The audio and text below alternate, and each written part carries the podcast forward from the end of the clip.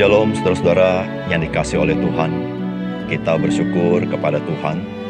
Sebagai orang percaya, kita tahu apakah tujuan hidup kita. Tujuan hidup kita adalah hidup bagi Tuhan. Hidup memuliakan Tuhan. Sebuah hidup yang sangat bernilai dan bernilai kekal itu. Salam jumpa dalam program Tuhan adalah Gembalaku. Pergumulan setiap orang adalah bagaimana agar kita tidak hidup berpusat pada diri kita sendiri. Saudara, pergumulan untuk tidak hidup berpusat pada diri kita sendiri adalah hal yang lumrah. Karena dari sejak kita lahir ke dalam dunia ini, memang ada banyak hal yang kita kerjakan adalah untuk diri kita sendiri. Contohnya, kalau kita makan, maka kita makan adalah untuk kepentingan diri kita sendiri, bukan? Ketika seorang bersekolah, maka dia bersekolah adalah untuk kepentingan dirinya sendiri. Jika seorang berolahraga, maka olahraga itu juga untuk kepentingan diri sendiri. Termasuk juga ketika seorang punya cita-cita. Maka cita-citanya adalah cita-cita bagi dirinya sendiri. Jadi ada banyak hal yang kita kerjakan, saudara-saudara, yang kita biasa lakukan adalah untuk diri kita sendiri. Termasuk juga misalnya hal-hal yang kurang baik, misalnya ketika kita tersinggung. Maka sebetulnya kita sedang juga memikirkan diri kita sendiri. Saudara Tuhan menginginkan kita belajar untuk tidak hanya mementingkan kepentingan diri kita sendiri, tapi juga kepentingan orang lain. Saudara mari kita membaca firman Tuhan dari Lukas pasal 14 ayat 7 sampai 14. Karena Yesus melihat bahwa tamu-tamu berusaha menduduki tempat-tempat kehormatan, ia mengatakan perumpamaan ini kepada mereka. Kalau seorang mengundang engkau ke pesta perkawinan, Janganlah duduk di tempat kehormatan, sebab mungkin orang itu telah mengundang seorang yang lebih terhormat daripadamu. Supaya orang itu yang mengundang engkau dan dia, jangan datang dan berkata kepadamu, berilah tempat ini kepada orang itu. Lalu engkau dengan malu harus pergi duduk di tempat yang paling rendah. Tetapi apabila engkau diundang, pergilah duduk di tempat yang paling rendah. Mungkin tuan rumah akan datang dan berkata kepadamu, Sahabat, Silakan duduk di depan, dan dengan demikian engkau akan menerima hormat di depan mata semua tamu yang lain. Sebab barang siapa meninggikan diri, ia akan direndahkan, dan barang siapa merendahkan diri, ia akan ditinggikan.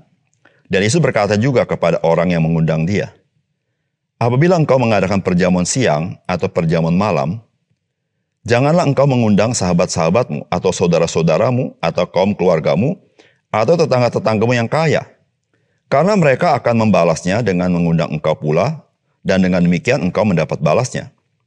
Tetapi apabila engkau mengadakan perjamuan, undanglah orang-orang miskin, orang-orang cacat, orang-orang lumpuh, dan orang-orang buta. Dan engkau akan berbahagia, karena mereka tidak mempunyai apa-apa untuk membalasnya kepadamu. Sebab engkau akan mendapat balas pada hari kebangkitan orang-orang benar. Saudara yang dikasih oleh Tuhan, firman Tuhan yang kita baca hari ini adalah pengajaran Tuhan Yesus melalui perumpamaan.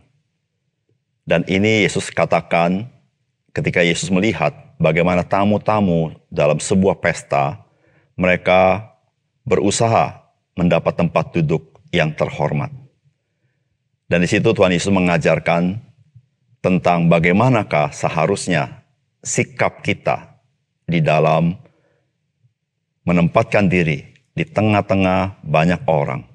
Lalu Tuhan juga mengajar tentang perjamuan makan malam.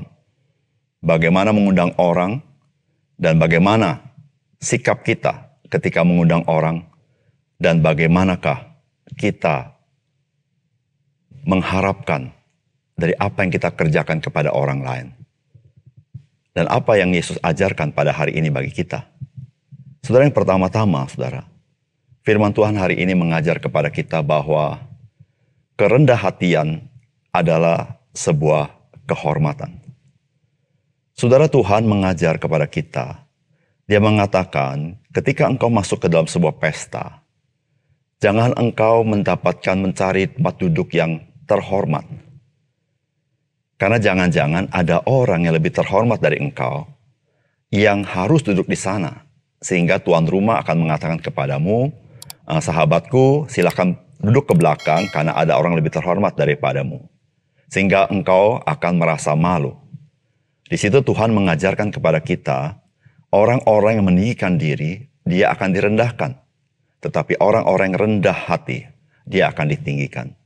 Saudara dari sini kita belajar satu hal. Bahwa sesungguhnya kerendah hatian adalah sebuah kehormatan.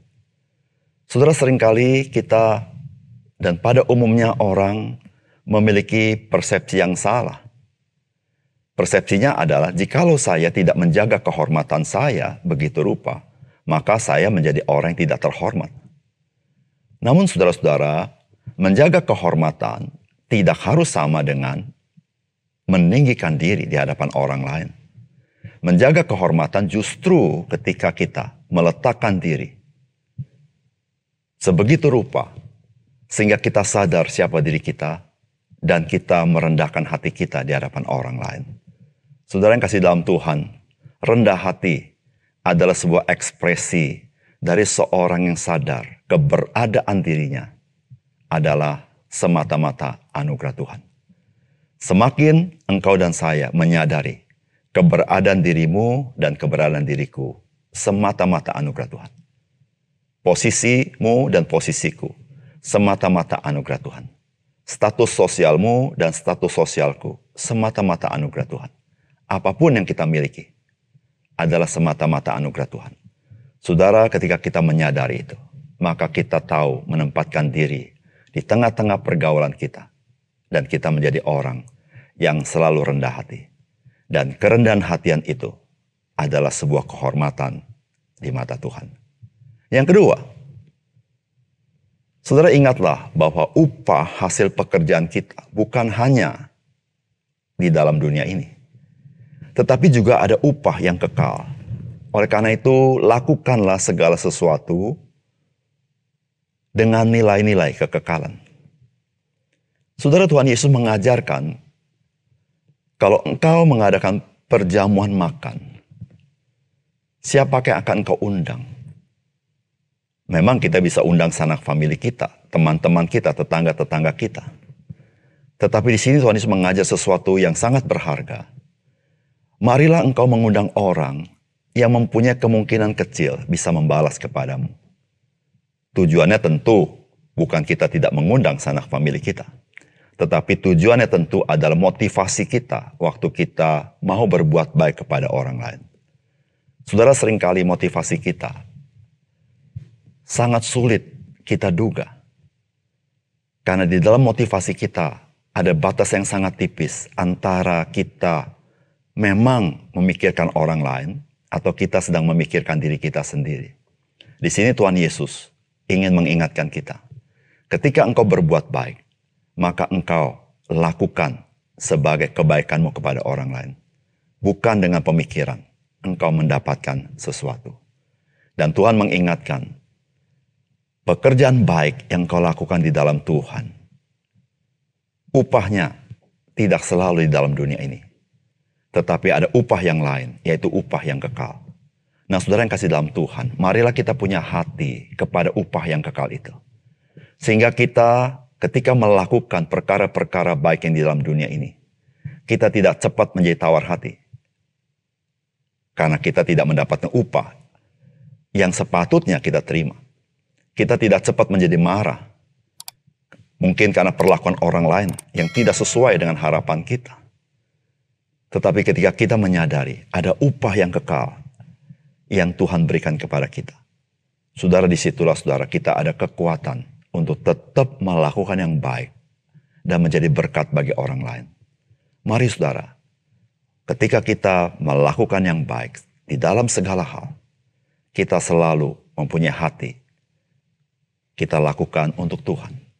Dan di situ saudara, motivasi kita dimurnikan supaya kita ketika berbuat baik, ketika melakukan yang baik, memang semata-mata kita ingin menjadi berkat bagi orang lain. Mari kita berdoa. Bapak surga terima kasih untuk kebenaran firman-Mu yang menolong kami mempunyai perspektif yang disegarkan bahwa kehormatan yang Tuhan berikan kepada kami melalui kerendah hatian. Tuhan bantu kami belajar menyadari anugerah Tuhan sehingga kami tahu menempatkan diri tengah-tengah kehidupan kami bahwa apa yang kami miliki semata-mata pemberian Tuhan, sehingga kami selalu menaruh diri kami pada tempat yang tepat dengan rendah hati.